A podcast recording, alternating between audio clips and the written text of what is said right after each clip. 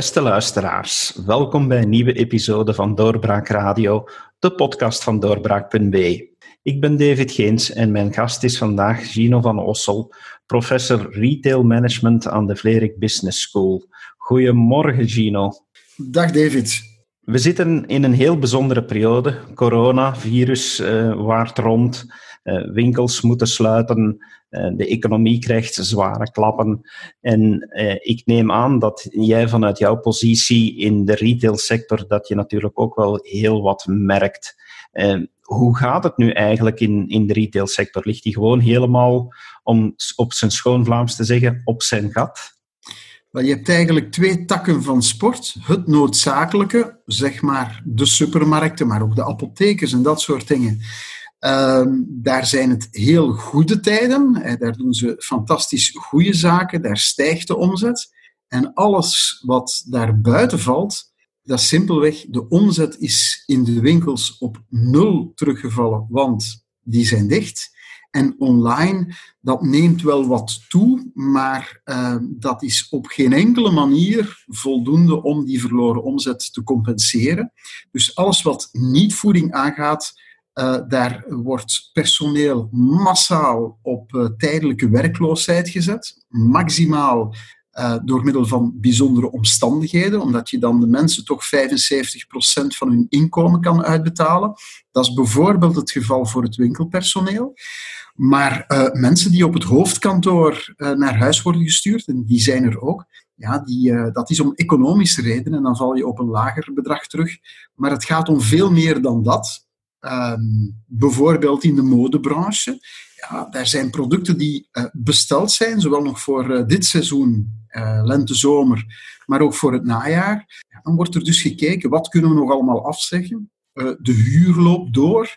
Um, ongeveer elke retailer uh, laat de uh, eigenaars van het winkelvastgoed weten dat zij uh, de betalingen zullen opschorten of uitstellen. En eigenlijk wordt elke euro twee keer omgedraaid vooraleer die uitgegeven wordt. Maar het is heel duidelijk, als er geen ondersteunende maatregelen komen, ja, dan zullen de zwakste leden van de kudde dit niet uh, overleven. Uh, dat betekent daarom niet dat de economische schade zo groot is als het aantal faillissementen. Ik vergelijk dat vaak met een luchtvaartmaatschappij. Het is niet omdat ze failliet gaat dat de vliegtuigen weg zijn. Dat betekent wel dat je de schulden afschudt, dat je heel diep kan gaan snijden en anderen zullen de activiteiten wel uh, voortzetten. Dat zal in retailland niet anders zijn, maar het, uh, het dreigt een bloedbad te worden. Maar ik zei het al, in food is het het uh, andere verhaal. Een denkfout die velen maken is, oh ja, er wordt daar nu heel veel verkocht, dus die maken heel veel extra winst. Dat is maar een stukje waar.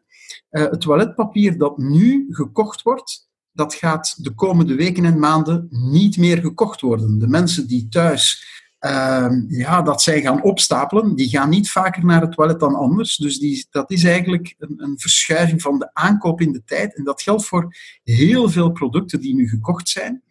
Uh, de echte winst in omzet dan, dus niet in winst uh, onder de streep, de winst in omzet voor de supermarkten zit in de sluiting van alles wat foodservice is. En op het eerste gezicht denken we dan, ah ja, de restaurants zijn dicht, maar wanneer je uh, werkt en uh, onderweg bent, dan ga je misschien een broodje eten, je eet in de bedrijfskantine. Al dat soort zaken is weg. Um, je kinderen zitten op het jeugdvoetbal, je gaat in de kantine iets drinken. Wel, dat is allemaal weg. Je kan het aan huis laten leveren, je kan het gaan afhalen op bepaalde plekken, maar het maagaandeel, zo heet dat in de sector van foodservice, ja, dat is spectaculair gedaald. Dus wij moeten nu al ons eten en drinken uit de supermarkt gaan halen. En dat is dus wel netto omzetvoordeel. Er staan ook kosten tegenover. Zo'n bewakingsagent aan de ingang van de winkel, dat kost geld. Het personeel uh, dat ingezet wordt om, uh, ik zeg maar iets, de zelfkassas, de winkelkarretjes te reinigen enzovoort, het kost geld. Promoties vallen weg, dat is goed voor de marges. Uh, dus bij de supermarkten ga je zien, het is alle hens aan dek, maar financieel is dat eigenlijk goed nieuws. Hè. Dat is een beetje het, uh, het cynische. Uh, maar ik vind ook dat ze dat heel keurig doen, er geen misbruik van maken. Bij ons krijg je geen gekke prijsstijgingen op toiletpapier. Ze hadden dat kunnen doen, uh, maar ik vind dat ze zich maatschappelijk heel verantwoord opstellen. En ja, zij zitten aan de goede kant in deze discussie. Dat zijn een aantal heel interessante topics. Ik ga er een aantal dingen uitlichten. U hebt het bijvoorbeeld over dat hamsteren. Van waar komt dat gedrag bij de consumenten om op zo'n moment te gaan hamsteren? Ja, dat is eigenlijk iets wat je bij elke crisis terug ziet komen. En crisis, dat kan van alles zijn. Ehm, en dat start altijd met een groep mensen die gewoon van nature uit, dat zit in hun genen, uh, angstiger zijn dan anderen. En die dus uh, meteen uh, aan de slechtste scenario's beginnen te denken en die beginnen te hamsteren. En dat hebben we eigenlijk zien gebeuren ongeveer een tweetal weken voor de echte uitbraak is gekomen. En dan zagen de supermarkten dat in bepaalde productcategorieën, toiletpapier was er daar dus eentje van, eh, dat die omzet begon te stijgen, totdat je zag dat de, de hele supermarktomzet met een 10% omhoog ging. Dat is puur irrationeel gedrag. En daar is al veel onderzoek naar gedaan. Dat heeft dus mee te maken dat je de dingen heel zwartgallig inziet van ik ga geen eten meer kunnen kopen. Um, maar dat wordt versterkt ook doordat wij als mensen, en dat geldt voor iedereen, redeneren vanuit perceptie en niet vanuit de feiten. Als er terroristische aanslagen zijn, dan zijn we allemaal bang om om te komen in een terreurdaad. En dan mag iedereen rationeel weten, de kans dat je omkomt in een auto-ongeval is oneindig veel groter. Toch zijn we bang van een terreuraanslag. Dat is hier net hetzelfde. We kunnen rationeel uitleggen dat er geen enkele reden is om te hamsteren, maar die eerste groep mensen begint dat te doen. En dan krijg je een tweede fenomeen, en dat zit in exact dezelfde sfeer. Ehm, je hoort een aantal mensen, uh, je hoort eigenlijk dat de supermarkten zeggen, de omzet stijgt, je ziet dat hamstergedrag. Dan heb je zo misschien een buurman die zegt, ja, maar je gaat nog wel zien dat. En een aantal mensen begint dat te gaan kopiëren. En om nu specifiek naar uh, de coronacrisis te kijken, dat is begonnen met China en dat is de ver van mijn bedshow. En uh, ik heb net nog met iemand een gesprek gehad en die zei, we zijn op 21 februari, ik zal het niet vergeten, gaan skiën. En er was geen vuiltje aan de lucht. En we zijn thuisgekomen en er was nog geen vuiltje aan de lucht. En wat wij toen zagen was, ah, er is een vlucht met gerepatrieerde Europeanen en die moeten in quarantaine, want we gaan dat virus toch niet importeren. En iedereen, ja, ja, ja dat is goed opgelost. Hè, ja, dat is goed opgelost. En toen begon het in Italië. En dat was al tijdens die krokusvakantie. En toen begon het, oh, Belgen zitten vast in Tenerife in een hotel. En dan begint het dat mensen zeggen, dat komt heel dichtbij. Waarom? Heel veel mensen hebben al ooit in een hotel gezeten in Tenerife. Heel veel mensen gaan skiën. Degenen die niet gaan skiën, kennen mensen die gaan skiën. En de volgende stap is dan natuurlijk dat uh, in Italië een eerste lockdown wordt aangekondigd en er staan lange files voor de supermarkten. En parallel gebeurt de tweede.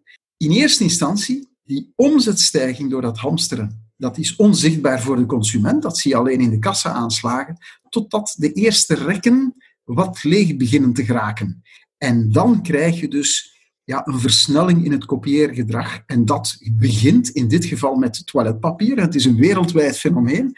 Ik heb al vaak de vraag gekregen, waarom is het toiletpapier? Eerlijk, ik heb geen wetenschappelijke verklaring, maar mijn intuïtie zegt mij, toiletpapier is een product dat de meeste mensen op voorraad houden. Er zijn veel mensen die zeggen, mayonaise, ja, als de bus leeg is, schrijven we dat op. Uh, en sommige anderen zullen zeggen, nee, nee, nee, als we de laatste bus nemen, nemen we ze al in gebruik. Maar niemand gaat zeggen, als ik de laatste rol toiletpapier neem, schrijf ik het op het boodschappenlijstje. Dat doe je als je het laatste pak aanbreekt, tenzij een heel groot pak en je bent alleen staande, maar je begrijpt wat ik bedoel. Dat is typisch iets waar je voorraden gaat van uh, aanleggen. En bij uitbreiding alles wat lang houdbaar is en wat levensnoodzakelijk is. Dus we komen uit bij de pasta, de rijst, uh, de uh, blikken in tomatensaus. En hoe ouder dat je bent, dan begin je ook al te denken aan vroeger de ravioli uit blik. Dat zal nu veel minder gehamsterd zijn. Maar dat is wat dat je begint te doen. En je ziet plots in de supermarkt dat, die, dat daar schaarste optreedt. En dan krijg je een heel pervers effect. Dat is dat de mensen die de feiten kennen, en ik ga nu niet vals bescheiden zijn, ik ken de feiten en ik ben niet de enige. Er is absoluut geen schaarste qua aanbod. Er is ook geen schaarste door een hogere consumptie. Er is een schaarste door te groot uh, aankoopgedrag. Er wordt te veel in één keer gekocht. En die mensen die zeggen dat dus allemaal, er is geen schaarste, je creëert ze zelf. En wat zeggen die mensen in de supermarkt? Ja, maar ik zie iets anders in mijn winkel. Wat de terreuraanslagen uh, zijn voor het onveiligheidsgevoel, dat zijn die lege schappen in die perceptie. En dus wat vandaag gebeurt, en daar ga ik eerlijk in zijn, dat is bij mij niet anders. Ik heb absoluut niet gehamsterd. Uh, wij hebben nog genoeg toiletpapier. Maar ik heb toch eens gekeken hoeveel we nog liggen hebben. En ik denk dat ondertussen elke Belg dat gedaan heeft. De eerste keer dat ik nu in de supermarkt kom en er is toiletpapier, dan ga ik toch kopen, terwijl ik het anders misschien twee weken later zou doen. Want je wil het risico niet nemen. En dat zit bij dat hamsteren er heel sterk in. Ja, het wordt toch niet slecht, hè? ik kan het even goed nu kopen. Alleen, en dat is het goede nieuws, dat hamsteren, uh, dat is er vanzelf gekomen. Dat gaat vanzelf verdwijnen. Want eens iedereen zijn voorraden, het zij heeft aangevuld, het zij heeft opgebouwd, is er geen reden meer om dat te kopen. En je ziet het nu al. Vandaag, gisteren in de supermarkten, beginnen een aantal categorieën die uitverkocht waren, begint weer voorraad op te komen. Dus bij pasta blijft, maar als je pasta wou kopen gisteren, geen enkel probleem. De goedkoopste merken waren er niet, maar er was alweer pasta beschikbaar. En je ziet het komen. Het enige waar nog spanning op zit, en ik denk dat dat nog wel een tijdje zal zijn, dat is in de echt verse producten, groente, fruit, uh, vleeswaren. Niet dat er echt schaarste is, maar daar ga je dus inderdaad zien wat ik in het begin zei. Het kanaal is verschoven van uh, gedeeld foodservice en supermarkten naar grotendeels supermarkten. Ja, en die logistieke keten die sputtert een beetje. Maar als je vlees nodig hebt, ga naar de slager. Daar is vlees genoeg, daar is nooit die schaarste. Uh, in brood zie je dat dat ook geen issue is, want dat wordt uh, ter plaatse afgebakken, maar dat wordt eigenlijk in diepvries geleverd. Dus dat kan perfect. En in Nederland bijvoorbeeld, uh, waar macro niet open staat voor gewone consumenten en waar Sligro de grootste uh, speler is als horecagrossier, die hebben hun cash- en carry magazijnen opengezet voor de consument. Het zou mij niet verbazen, moest op een bepaald ogenblik in België Metro, zusje van Macro, uh, die enkel toegankelijk is voor wie een horeca winkel uitbaat, dat die ook in België op een bepaald ogenblik zouden kunnen zeggen, kijk, iedereen mag komen. Um, en op die manier ga je zien dat dat zich ook allemaal vanzelf wel gaat, gaat oplossen. Maar um, we vergeten dat vaak. We zijn nog geen twee weken in die lockdown-achtige situatie. Het is, het is pas vorige week dat een eerste maatregel is aangekondigd. Um, ik heb toen geanticipeerd. Ik ben op vrijdagochtend naar de supermarkt gegaan. Ik heb nog alles kunnen kopen wat ik nodig had, zodanig dat ik in het weekend niet echt terug moest. Ik ben op vrijdag om vijf uur, sorry, op zaterdag om vijf uur nog wat laatste verse spullen proberen te gaan kopen. Ik wist niet wat ik zag. Die winkel was gewoon leeg gekocht. En dat is de angstreflex van de mensen. Maar wij hebben een kleine buurtsupermarkt in de buurt en daar lag alles nog. Dus dat hebben we op die manier kunnen oplossen. Uh, en je merkt dat op ja, uh, een dikke week tijd daar een enorme uh, verandering is gebeurd in de hoofden van de mensen. waar ik zelf, ga dat eerlijk zijn, ook dat virus onderschat heb. En ja, we mogen nu geen handen geven, maar dat gaan we toch wel doen, zeker. Niet uit stoerdoenerij, maar ach, kijk, wij zijn mensen van een leeftijd die, als je ziek wordt, dan zweten we dat wel uit. Zijn ik op tien dagen tijd uh, als gehele bevolking wakker geschud. En gelukkig 99% van de mensen houdt zich nu aan de richtlijnen. Maar dat betekent dus ook dat die schokgolf, die piek in die supermarkten, heeft veroorzaakt. En daar merk je ook dat die piek voorbij is. Uh, je merkt die wachtrijen aan de winkels nu. De eerste keer denk je, oei, het lijkt wel oorlog. Totdat je daar eens in hebt gestaan.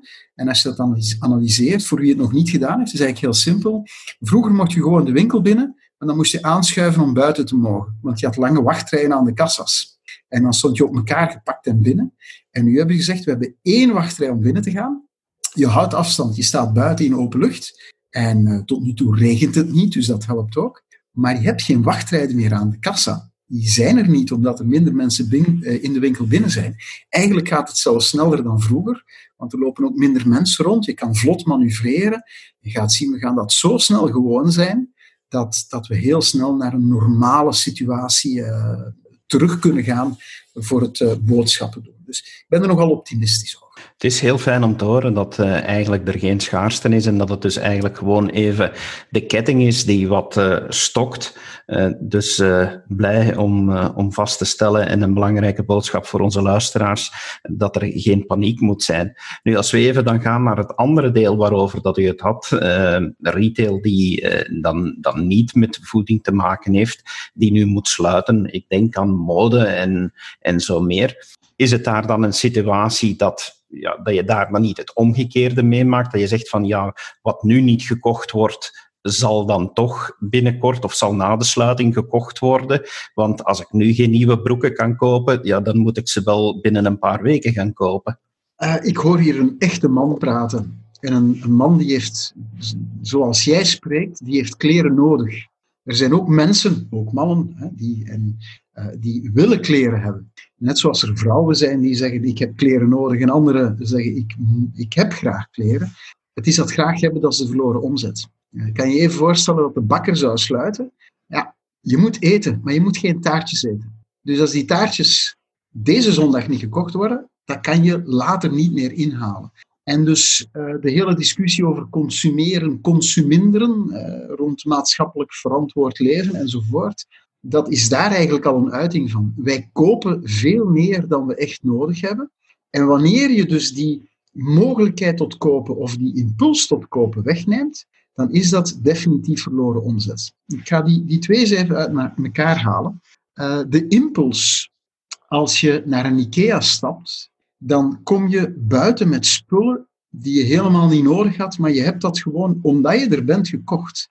Dat betekent simpelweg, als het aantal bezoeken aan een IKEA-winkel daalt, dan is die impulsomzet verdwenen. Je kan dat verschuiven naar online. Ik weet ook, IKEA heeft nu zijn webshop in ons land gesloten, maar laten we daar even abstractie van maken. Dit, is, dit overstijgt het coronavirus.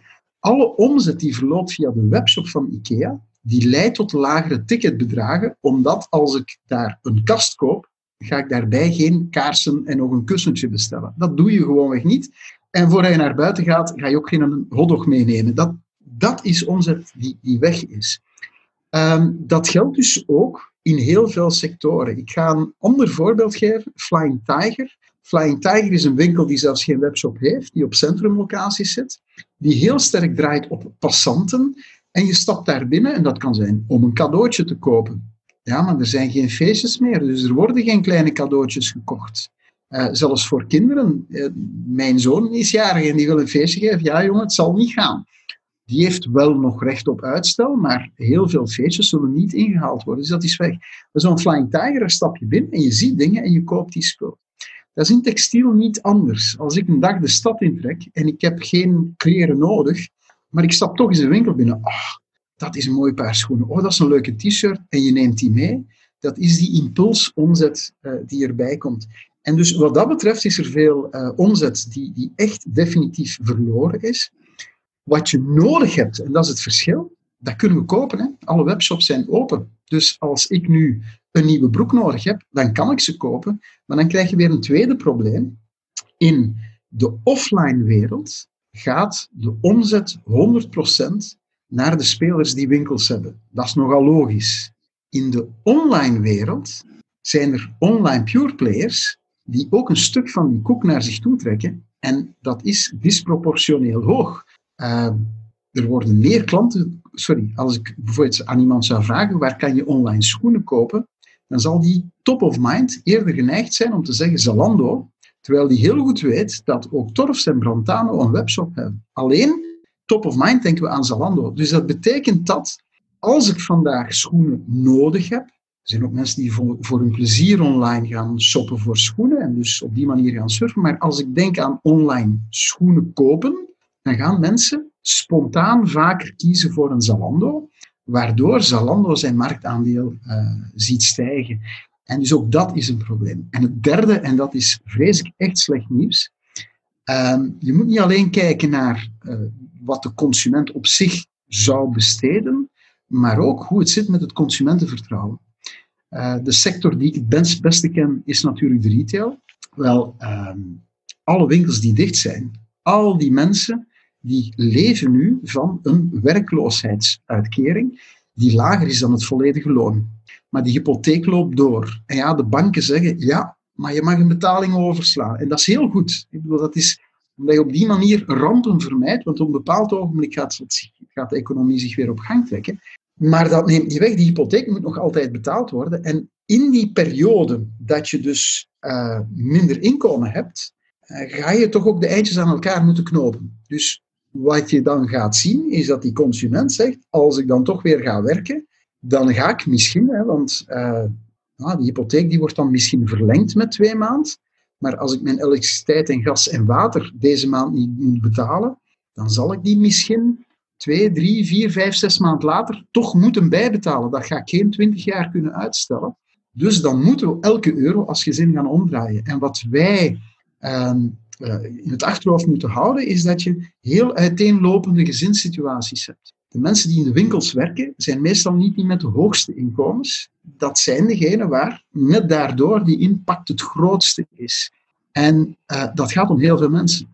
Als je kijkt naar de zelfstandige ondernemers die vandaag geen inkomen hebben, kappers die een zaak sluiten, de horeca-ondernemers enzovoort. Zelfs wanneer zij tijdelijk geen huur zouden moeten betalen, zelfs wanneer je buffers hebt, je hebt een slecht jaar. Maar wat dan met degenen die het niet gaan redden, die over kop gaan? De verwachting is dat we in het najaar geen heel vlotte heropstart van de economie gaan krijgen en dat het dus wel degelijk zo gaat zijn dat veel mensen de tering naar de nering gaan moeten zetten.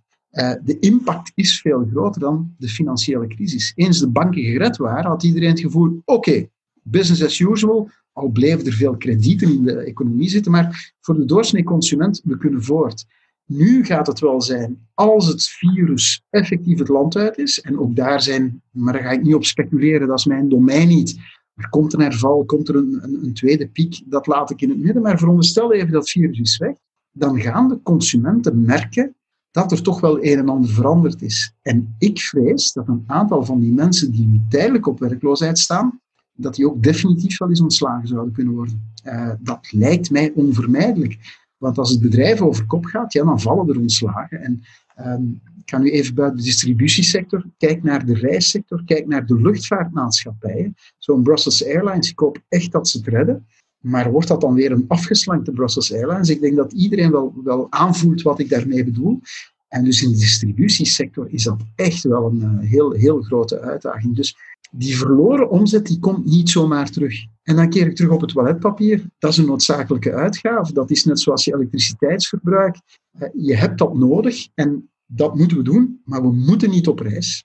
We moeten geen kleren kopen. We moeten wel, als de kleren versleten zijn, nieuwe kopen. Maar uh, dat weten we ondertussen ook. Ongeveer iedereen heeft in zijn kleerkast 50% stuks liggen die je nooit draagt. En die eigenlijk nog goed zijn. Dus als je wat minder breed hebt, dan zou je dat toch nog kunnen dragen. Uh, maar anders ga je kleren veel meer afdragen. Die gaat gewoon wat minder uitstellen. Goh, die, dat is zo'n typische, dat is een zinnetje dat je misschien wel herkent. Die, die winterjas, die kan nog wel een jaartje mee. En dat is wat er gebeurt. Maar dat geldt voor tuinmeubelen, dat geldt voor een tv, dat geldt voor dit, dat geldt voor dat. Uh, misschien wel aardig om mee te geven. Er zijn dus sectoren die het goed doen. Hè. We hebben het over de, de voedingssector. Maar je hebt ook productcategorieën die het goed doen. Uh, er zijn plots weer veel meer laptops verkocht. Want uh, er zijn een aantal mensen die nu thuis moeten werken die geen laptop van de zaak hadden. Of die hadden dat wel, maar de kinderen moeten ook les volgen.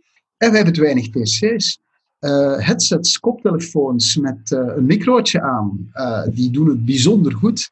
Alles wat gaat over thuissporten. Er, wordt, er is nog nooit zoveel op fietsen, op rollen gefietst als vandaag. dat vliegt de deur uit. Um, eentje wat ik geen bevestiging over heb, maar wat ik wel vermoed. Ik denk dat de seksspeeltjes en dat soort dingen, dat die ook goed verkopen. Dus er zijn productcategorieën in België zou nu, of in Vlaanderen zou je kunnen zeggen, alles wat dat het uh, leven in uw kot kan veraangenamen of efficiënter maken, dat doet het bijzonder goed. Ik denk zelfs dat het aantal verkochte strijkijzers wel eens zou kunnen stijgen. Want de strijkwinkels zijn dicht, de poetshulp komen niet meer langs.